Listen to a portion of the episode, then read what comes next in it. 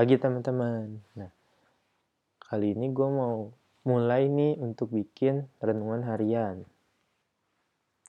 E, dasar ayat renungan itu, kalau kalian belum tahu, itu ada di Markus 1 ayat 35. Ini ceritanya uh, tentang Tuhan Yesus. Jadi Tuhan Yesus itu dia melakukan ini. Ayatnya bilang begini. Pagi-pagi benar, waktu hari masih gelap, ia bangun dan pergi keluar. Ia pergi ke tempat yang sunyi dan berdoa di sana.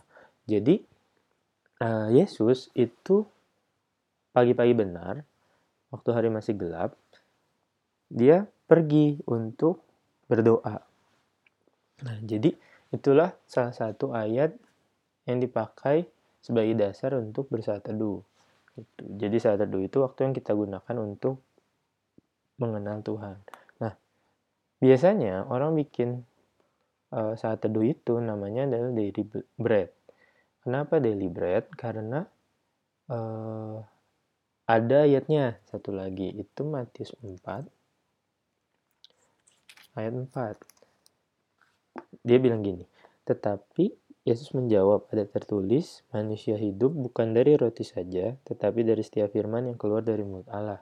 Jadi, uh, roti itu kan berbicara makanan pokok gitu. Jadi kenapa dibilang daily bread? Karena supaya itu jadi makanan yang utama setiap hari.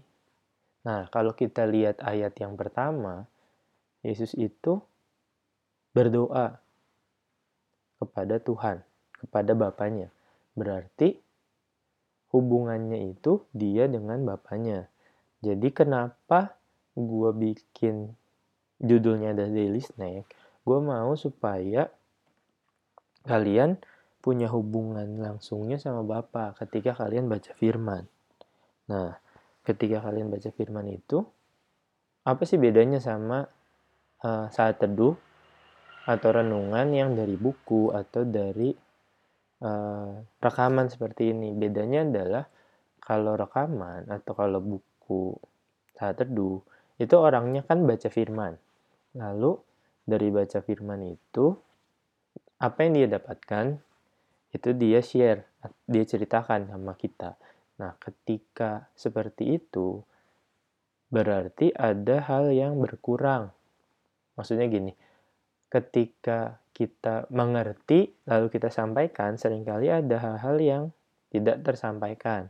Atau Tuhan mau ngomong spesifik sama kalian lewat firman Tuhannya, tapi karena uh, disampaikan kepada karena ini orang lain yang sampaikan bisa jadi pesan itu nggak sampai gitu. Jadi akan lebih banyak manfaatnya ketika kita saat teduh langsung dari Alkitab gitu. Jadi tapi bukan berarti uh, buku renungan atau rekaman seperti ini salah tapi rekaman seperti ini sebagai pelengkap saja, jadi tambahan untuk kita mengerti atau ketika kita awal belajar untuk bersaat teduh.